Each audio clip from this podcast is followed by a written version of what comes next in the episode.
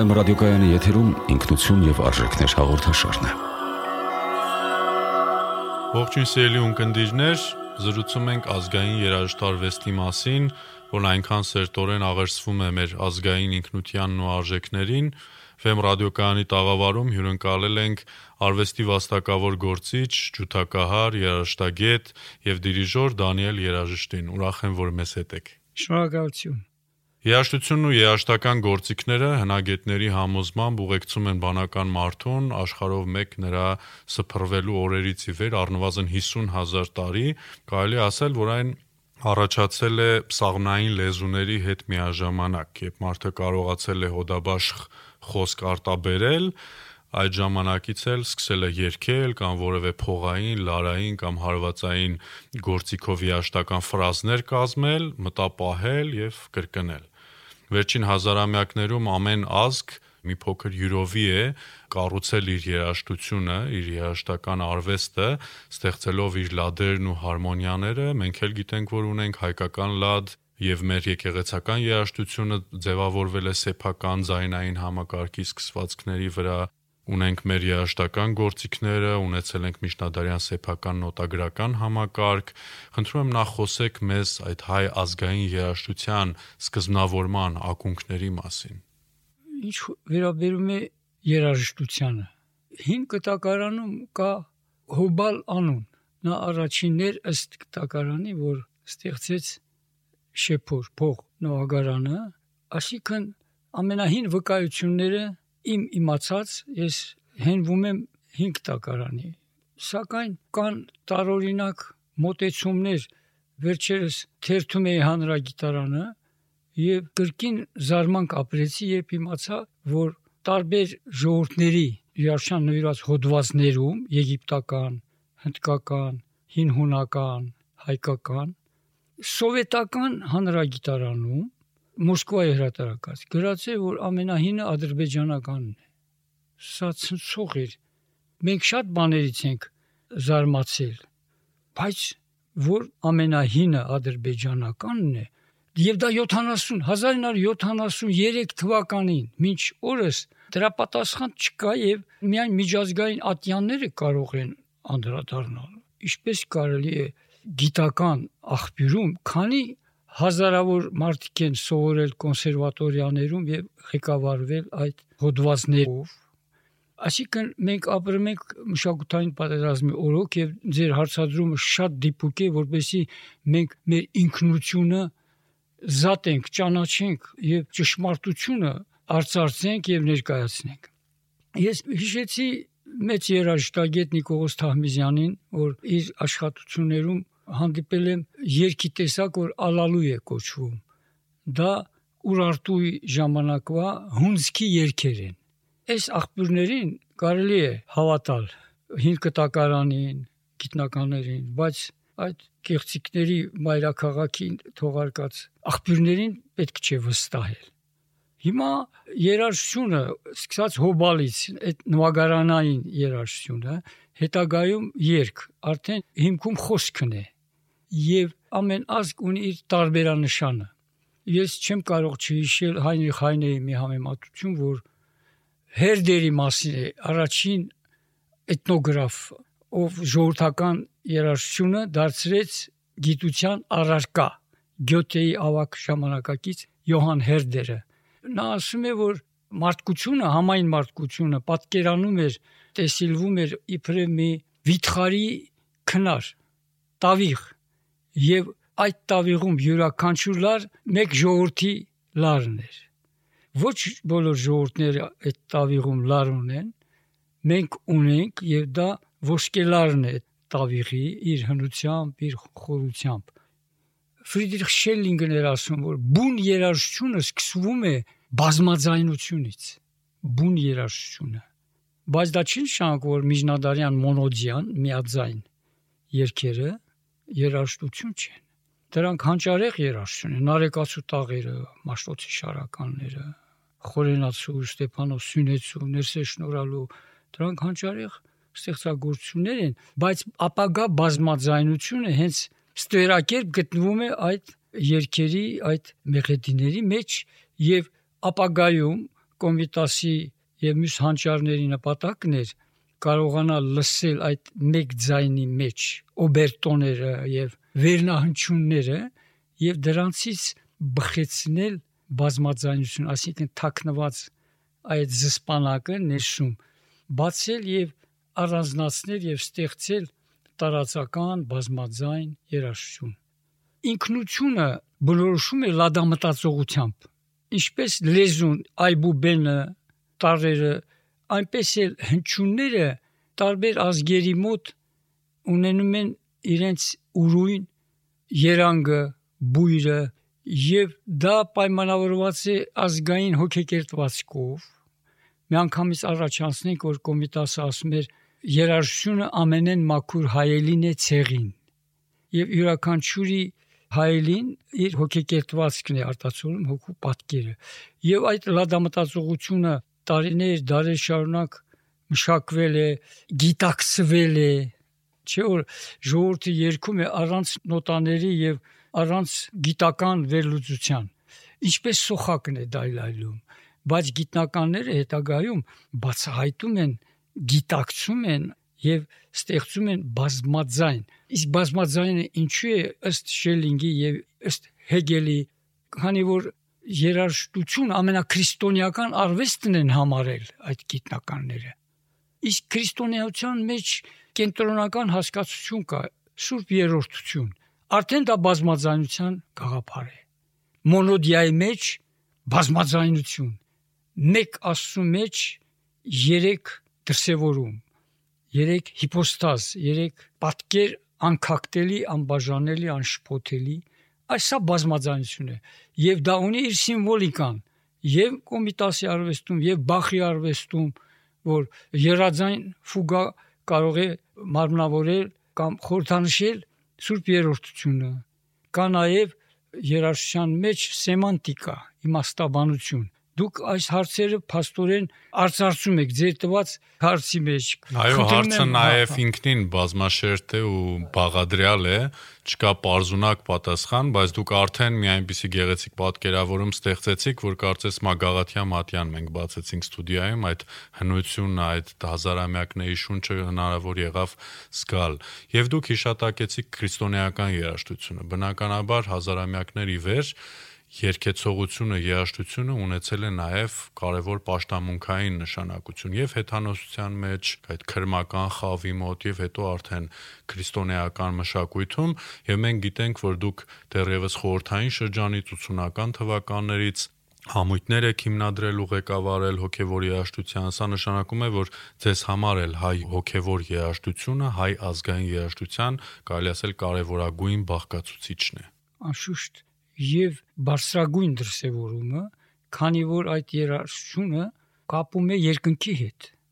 Քրիստոնեական երաշխություն, եթե կարելի է այդ եզրույթը օգտագործել, ավելի շատ հոգու վրա է շեշտը դնում, հոգևորի, քանի որ հեթանոսականում կենտրոնում մարմինն է։ Վերցնենք հունական քանդակագործություն, ճարտարապետություն, այնտեղ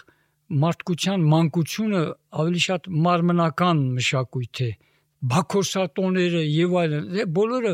շեշտը մարմնի վրա է իսկ քրիստոնեության շրջանում առաջին պլան է մղվում մարդու հոգևոր կյանքը մեղքի գիտակցումը եւ ձերբազատվելու մղումը կատարելագործվելու եղեք կատարյալ ինչպես ձեր հայրն է երկնքում այս գաղափարին հետևելու պատահական չի որ Բախը ասում է որ երաշտություն երկու առաքելություն ունի. մեկը Աստծուն փառաբանել մյուսը նպաստել մարդկային հոգու փրկությանը ասա քրիստոնեական երաշտությունն է եւ մենք հայերս շնորհիվ կոմիտասի ունենք շատ խորը եւ ամենամոտը երկնքին երաշտություն շատ գիտնականներ կան որ պնդում են որ օրինակ Հռոմի կաթոլիկ եկեղեցու պաշտոներգության վրա, որի հիմքում Գրիգորյան խորալն է, զարգացել եւ ձևավորվել է հայկական պատարակի ուղղակի ազդեցությամբ։ Ինչպես նշեցիք անսամբլների մասին, իմ նպատակներից մեկը սա էր, որ զուգահեռ անցկացնեմ հայկական հոգևոր երաշտան եւ արեմտա եվրոպական եւ համերգներից կառուցվածքն էլ հաճախ պայմանավորված էր դրանով, որ մի բաժինը հայկական, մյուսը եվրոպական եւ ես փորձում էի ցույց տալ այդ ուղիները եւ հայկականի ազդեցությունը եվրոպականի որ դրվագում է, նույնիսկ որ տակտում է Մենք անդրադարձանք այդ եվրոպական եւ հայ երաժշտության առնչություններին, բնականաբար ոչ մի ազգ անկախ չէ ազգերի ընտանիքներում, նաև իր մշակութային առումով, եւ մի որևէ պահից դուք ավելի ճշգրիտ կնշեք, գուցե 19-րդ դարից, այնպես եղավ, որ այդ եվրոպական հոսանքը ներխուժեց մեր երաժշտություն եւ նաև մեր կոմպոզիտորների ու երաժիշտների եվրոպական կրթության միջոցով եւ նոտագրական համակարգի փոխառմամբ եւ ունեցանք 19-րդ 20-րդ դարում կոմպոզիտորների մի աստղաբույլ, ովքեր կարողացան համաշխարհային մակարդակի բարձրանալ իրենց ստեղծագործություններով, հետևելով եվրոպական երաժշտության դասական ավանդույթներին, բայց մնալով ու ստեղծելով հայ երաժշտություն, ինչև իր խորքը եւ նաեւ ստեղծվեց հայկական օպերայի մշակույթը, նոտագրվեցին ու մշակվեցին պատարակները մեր եւ այլ ոչի երաշտական ստեղծագործություններ։ Պատմությունը բերեց այն փուլին, որ Եվրոպայում, Իտալիայում, Գերմանիայում ծնված ձևավորված դասական երաժշտությունը հետագայում ճուղավորվեց եւ գոյացան ազգային դպրոցներ 17-րդ դարում արդեն կային ազգային դպրոցներ չեխական, ֆինական ազգային դպրոց, լեհական, բայց հայկականը դեռ ձևավորման ընթացքում էր։ Եվ 10-րդ դարում կոմիտասը կրթություն ստանալով Բերլինում, խորանալով եվրոպական քաղաքակրթության ոլորտում կարողացավ ստեղծել մեր ազգայինը։ Ես մի զուգահեռ եմ անցկացնում, մի քիչ շեղվենք, հիշում եք Խաչիկ Դաշտենցի ռանչպարների կանչում կա մի գլուխ մեկ հայը մեկ ոսկի ուրեմն ցեղասպանության օրերին քրդերը հավաքում էին հայ որփուկներին բերում էին վաճառում էին անդրանիկի եւ իր զինակիցներին մի քուրդ բերում է մի մանչուկի բայց ոսկին վերջացած է լինում եւ երկով են վճարում այո ալադին միսակը երգում է եւ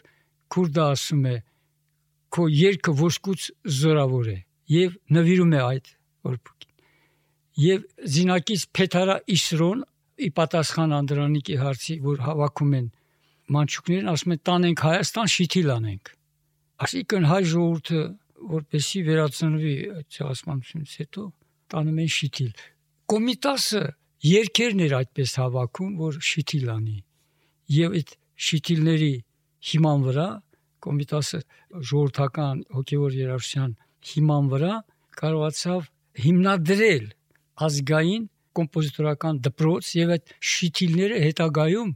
Արամ Խաչատրյանի արվեստում, Էդգար Հովանեսյանի, Միրզոյանի, Բաբաջանյանի արվեստում այդ շիթիլները վերածվեցին բարձրուղեշ ծառերի, կաղնիների դարավոր, ինչպես այսօրվա Մյուրոնի մեջ կա Գրիգոր Լուսավորիչի ժամանակվա Մյուրոնից Մերանը, այդպես փոխանցվել է Եվ պատահական չի որ Մարտիրոս Սարյանն ասում էր ես 5000 տարեկան եմ։ Նույն տարիքին է Արամ Խաչատրյանը ասում է վարպետը։ Քանի որ արվեստագետները իրենց մեջ խտացնում են ժողովրդի անցած պատմությունը եւ կենսագրությունը։ Ահա այսպես եվրոպականի հիման վրա, որտեղ մենք ասելիք ունենք, մենք հենք ունենք ազգայինը եւ հոգեվորը։ Կոմիտասը պատվաստեց եւ ազգային նկարագրով արվեստ ստեղծեց, որից արդեն ճուղավորվեց այսօրվա մեր համաշխարային հնչեղություն ունեցող հայկական երաժշտությունը։ Այո, երկհավաքությունը, եղանակների գրառումը եւ մշակումը դա շատ կարեւոր զտման գործընթաց էր, որը սկսվեց կոմիտասով եւ նաեւ ուրիշ բանահավաքներ ու երկհավաքներ ենք մենք ունեցել։ Դա միանշանակ է, որ ոչ միայն մեր ժամանակներում են եկամուտ արժեքներ լինում, օտարամուտ արժեքներ, որոնք պղտորում են մեր ազգային երաժշտությունը, դա վստահաբար եղել է նաև նախկին դարերում, բայց խնդիրն այն է, որ մեր ժամանակների խնդիրներից մեկն էլ ժողովրդական եւ աշուղական մեր ուշ միջնադարյան երաժշտությունը կամ 20-րդ դարի երաժշտությունը շատ հաճախ շփոթվում է թուրքա-ադրբեջանական կամ ցածրաժեք ուղակի խնջույքային եղանակների հետ եւ ով պետք է լինի այն ձայնը երաշտագիտական ձայնը, կշիռ ունեցող ձայնը, ով պետք է ստապության կոչանի հասարակությանը թույլ տա զգալ որն է ազգայինը, որը կեղծը, որն է մաքուրը, որը գրեհիկը ու ցածրաճաշակը, որովհետև հասարակության մեջ անհրաժեշտ են այդպիսի ձայներ, ովքեր կձևավորեն նաև հասարակական ճաշակը։ Ես հիշում եմ եւ Ռոբերտ Աթայանն էր տարակուսում էր, որ ռաբիսը անմահ է։ Տարակուսում էր, ասում էր, որ չի հաջողվում ոչ մի կերպ հաղթահարել։ Մենք դեմ չենք, որ գոյություն ունի ռաբիս։ Ռաբիսն է դեմ, որ մենք գոյություն ունենք։ Սա է վտանգը։ Բայց ամեն արվեստ եւ չարվեստ, ես այդ բառը ասում եմ երկու իմաստով, չարի արվեստ եւ ոչ արվեստ։ Պիտի ունենա իր արեալը, իր շարավիղը, ոչ թե մտնի ուրիշ արվեստներին եւ ավերածություններ անի։ Բացի դրանից, արվեստը արևտրականացվել է, քաղաքականացվել եւ մշակութային պատերազմի հզոր զենք է։ Եվ չար ուժերը դա գիտակցելով օգտագործում են այդ զենքը։ Եվ այն հիմնված է մարդկային բնազդների վրա, դրա համար է դժվար բան փոխելը։ Նրանք հոգևորս են իրականացնում եւ հաճախորդներ են կիրառում, դրսևորում։ Թույլ չեն տալիս, որ ժողովուրդը խմի իր ակունքից նրանք դևի պես միջնորդ աղբյուրի եւ ժողովրդի միջև հեքիաթի պես մի գեղեցիկ աղջիկ չես տալիս մի բաժակ ջուր չեն տա քեզ այդպիսի թանկ գին են դրել ազգայինի հայը պիտի առաջինը հայերեն խոսի ոչ իրանք պիտի թարգմանեն կան ճակերտավոր թարգմանիչներ որ բղծում են մեր երաժշտությունը երաժշտությունը կարող է ազդվել տարբեր մշակույթներից եթե դա բարերար է կա այդպիսի հասկացություններ մշակութագիտության մեջ. ակուլտուրացիա եւ տրանսկուլտուրացիա կա երևույթ որ մի մշակույթ գալիս է մյուս մշակույթին կլանում է եւ ստորացնում ոչ թե ինքն է ազնվանում այլ ուրիշին է փչացնում այդպիսի պայքար կա այդպիսի մշակութային պատերազմում եւ քանի որ դա արդեն քաղաքական խնդիր է ոչ մի երաժշտագետ մենակ միասին էլ չեն կարող այդ հարցը լուծեն դա պետական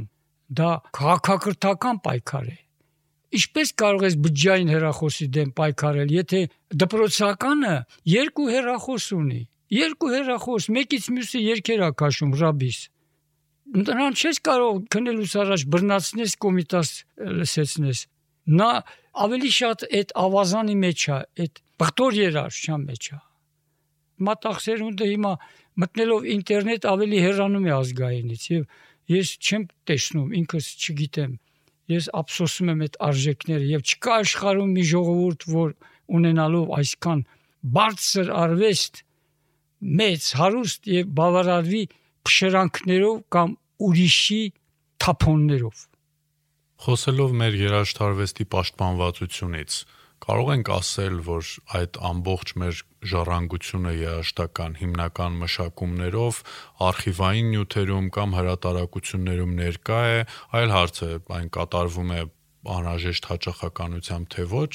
կարծում եմ պրոֆեսիոնալ երաժիշտները, եթե իրենց հանձնարարվի մատուցել հայ երաժշտության ինչ որ գոհար, այդ պրոֆեսիոնալիզմը ունեն, որ เป զի մատուցեն, բայց մեր արխիվային տպագիր կամ այլ համահավաք ժողովածուներում այդ ամբողջ մեր ժառանգությունը ամփոփված է թե ոչ։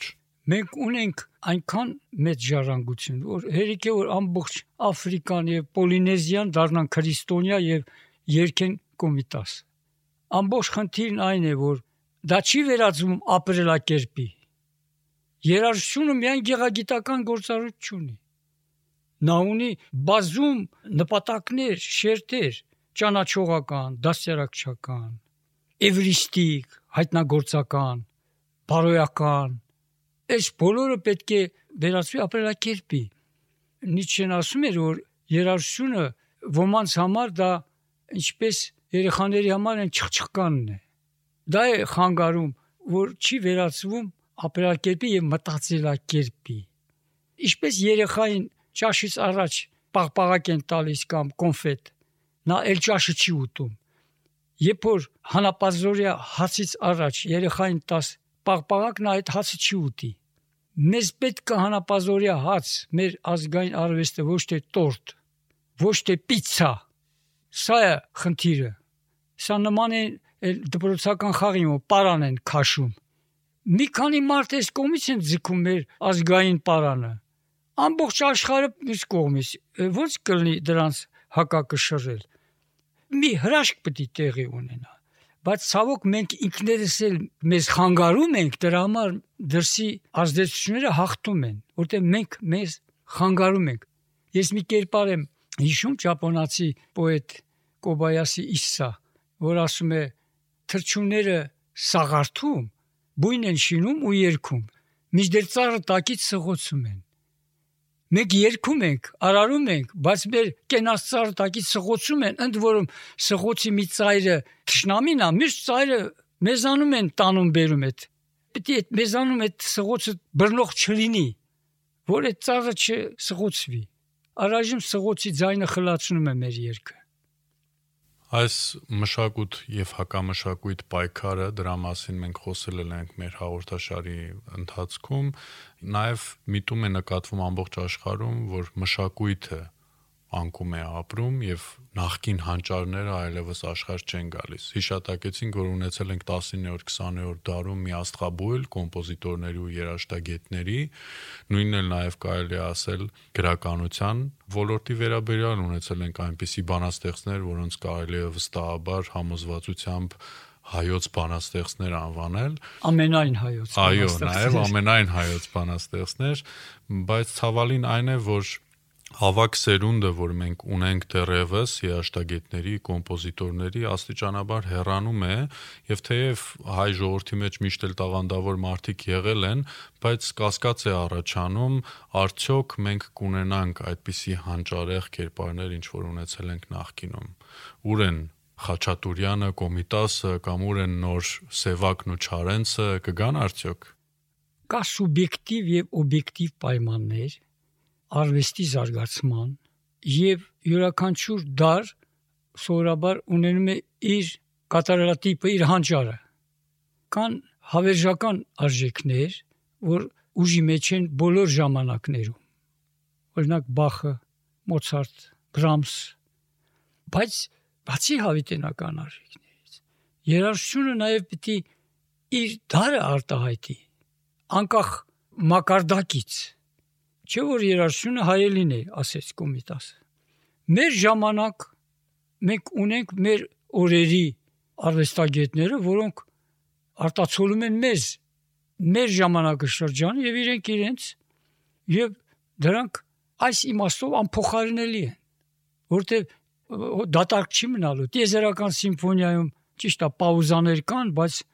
ոչ այդքան երկար, որ սпасենք նորից կոմիտաս բախ հետո բացի դրանից հանճարները միշտ առաջ են լինում դարաշրջանից ու ժամանակակիցները չեն կարողանում կռահել, ճանաչել։ Գուցե կա այսօր մեզանում բախ կոմիտաս դրանց արվեստը ժամանակը պետք է փորձի, ժամանակը ոնց որ մաշտոցը ասում է հրափորձություն պետք է անցնի, էլի։ Ոնց որ մարդը հրափորձություն է անցնում իր մեղքերից ձերբազատվելու, արվեստն էլ պետք է ժամանակի քուրայով անցնի։ Այնպես որ այսօր շուտ է ասել, թե մենք հիմա ունենք, թե չունենք, չէ որ մենք մի չափանիշներով ենք, մի կշերկով ենք կշռում, բայց բացարձակ կշերք էլ կա։ Ընթումած է երաշտագետների, որ Անգլիայում Հենրի Փերսելից մինչև Բենջամին Բրիտեն կոմպոզիտորներ չի եղել։ Ուրեմն 300 տարի կարող է հանգստանալ ժողովուրդը կոմպոզիտորներից։ Ճիշտ է, ես Դանիել Պյորսել էլ կատարեցի Հայաստանում ձեր նշված անսամբլներով բայց Դանիել Պյորսելը չգերազանցեց Հենրի Պյորսելին, այնպես որ կարելի է ասել, որ մենք դեռ 300 տարի ունենք, որբեսի Բախ կոմիտաս ունենանք կլինի։ Այսօր են ցանում, հնձում, հավաքում ծորենը, հաց ուտում, այսօր են երգում, թե որքանով է լավ ստացում այդ երգը ապագան ցույց կտա բայց դա նաև կախված է լինում հասարակական պայմաններից, պատմական իրողություններն էլ դեր են խաղում։ Գիտությունը զարգանում է ուղիղ գծով, դա հայտնի է։ Իսկ արվեստը ոչ արտադիր է, որ վաղվա արվեստ ավելի լավ լինի, քան երեկվանը։ Տեսնում եք, Մաշտոցը տարերը 5-րդ դարում ստեղծել է, բայց չենք կատարելագործում չենք ասում ինչու նորից մաշտոցը նոր տարեր մեզ պետք չի դա բավարարում է մեզ հավիտենական արժեք է այնպես որ մենք պետք է տարբերենք հավիտենականը եւ անցողիկը եւ աշխատենք որպեսի արժանանանք այն մշակույթին որ ստեղծել են մեր հանճարները պետք է աշխատենք խոսելով մեր հանապազորյա խնդիրներից եւ ապագա մարտահրավերներից նախ մեր ազգային երաժշտարվեստի պահպանության խնդիրը։ Ասացինք, որ վիաշտությունը ոչ վերբալ հաղորդակցման ձև է, խոսքային չէ, բայց հնչյունային է ձայնի պես տարածվում է եւ եթե չլսվի, չի էլ մնա մարդու ականջում եւ չի էլ պահպանվի։ Դրա համար եթե չլսենք մեր երաշտությունը, այն չի էլ ապրի, այն այդպես մեռածել, փակվածել կմնա եւ նաեւ թե որտեղ ենք մենք հանդիպում մեր ազգային երաժշտությանը արդյոք մեր կրթական հաստատությունները, երաշտական դպրոցներ, կոնսերվատորիա, երաշտական համույթները, համերգասրահները, որ բաց են ունկնդիրների արչև, արդյոք բավարար ներկայություն հասարակական կյանքում ապահովում են ազգային երաշտարվեստի եւ կենսունակ են։ Նաև այլ հարց թե լինելով կոնսերվատորիայում, նաև դասավանդելով այնտեղ տեղյակ կլինեք վստահաբար, արդյոք մեր հայկական ավանդական ժողովրդական գործիքները դեռևս կապրեն եւ ապագա կտեղափոխվեն թե ոչ։ Մենք այնքան հարուստ ենք հենց այսօր։ Արդեն ավարտվեց Արամ Խաչատրյանի 19-րդ մրցույթը դաշնակահարների։ Այսինքն մեզ մոտ երաժշտությունը հրաբուխի պես ժայթքում է բայց պիտի դա կյանք մտնի։ Սա է ամենադժվար պահը, ինչպես երաժշտությունը եւ մարդուն հանդիպեցնել։ Բայց մեր քաղաքական բարոյահոգեբանական մտնոլորտը այնպեսին է, որ դժվարությամբ է երաժշտությունը հասնում իր նպատակին։ Հեշտ ուղիներ են փնտրում։ Արվեստը դարձել է փաստորեն ապրուստի միջոց եւ այստեղ բախում է տեղի ունենում. կատարելության եւ հրատապության Սայատնովան լավ էր ասում որ ճիշտս տեղ չի հասնում քանի որ շատացիլ է խալխի սուտն շատացել է ինչպես աղանդը չի թողում առաջին քրիստոնյա ժողովուրդն ենք բայց այսքան աղանդ քարոզիչներ կա Հայաստանում երբ որ չես մշակում հողը ծաղիկներ թարանում եւ մոլախոտներ են, չէ, առաջ գալիս։ Պիտի հրաշք տեղի ունենա։ Դպրոցներ, մանկապարտեզներ, ծնողներին, ուսուցիչներին, չգիտեմ որտեղից պիտի սկսել, որպեսի մենք չկորցնենք մեր հոգու պատկերը։ Սա չի մեկուսացնում մեզ, նորից եմ ասում, դա ընդհակառակը համայն մարդկության այդ վիթխարի տավիղի լարերն է բազմազան դառնում, ծիածան է դառնում։ Ինչի կնմանվեր, եթե ծիածանը 7 գույն ուներար, 7-ն էլ սպիտակ։ Իսկ մեզ համահարթեցնում են։ Մեր ծիածանը ուզում են սարքեն միագույն։ Մեր 7-նարփյան ծիածանը, ինչպես միջնադարում ասում էին, հաշտության ծիածանը մեր սարքեն միագույն։ Փրկենք, որ փրկվենք։ Ասում են գեղեցիկն է փրկելու աշխարհը Նախ մենք պետք է փրկենք գեղեցիկը, որ հետո գեղեցիկը մեզ փրկի։ Մեր այդ արևարցունք յոտնարփյան ծիածանն Կարող ենք լավատեսորեն հավատալ, որ հայ երաժշտությունը, հայկական ժողովրդական նվագարանները կենսունակ են եւ կհաղթահարեն այս մշակութային ճգնաժամերը։ Այդ հարցում վստահ եմ։ Հիշենք նարեկացուն, որ ասում էր մատյանում այն ինչ արարիչ ստեղծել է մարդը չի կարող ոչնչացնել ուղղակի մենք կուզենայինք մենք ականատես լինեինք այդ հաղթական ակորդին բայց մխիթարում է մեզ ուրախացում է որ մեր ժառանգները տեսնեն դա ջանքով է նվաճվում աստծո արքայությունը մենք ջանք ենք գործադրում որ մեր ապագան լուսավոր լինի, մեր ծիածանը պայծառ լինի։ Անչափ շնորհակալ եմ զրույցի համար։ Մեր падգամը պետք է լինի մեր ունկնդիրներին, որպեսզի հետևելով նաև արտասահմանյան կամ համաշխարհային երաժշտության դասականներին կամ նոր հոսանքներին աչքաթող չանեն եւ չմոռանան սեփական զուլալ հայկական ազգային երաժշտարվեստը, որովհետեւ եթե մենք չանենք, ապա ելով պետք է հնչեցնի Ծիրանի փողը կամ ով պետք է կատարի մեր երաշտական արվեստի դասականներին միայն պետք է գնալ եւ հաղորդակից լինել դրան մնացածը արդեն հենց այդ երաշտությունը իր ներգործությունը կունենա մեր հոգիների վրա մնացեք բարև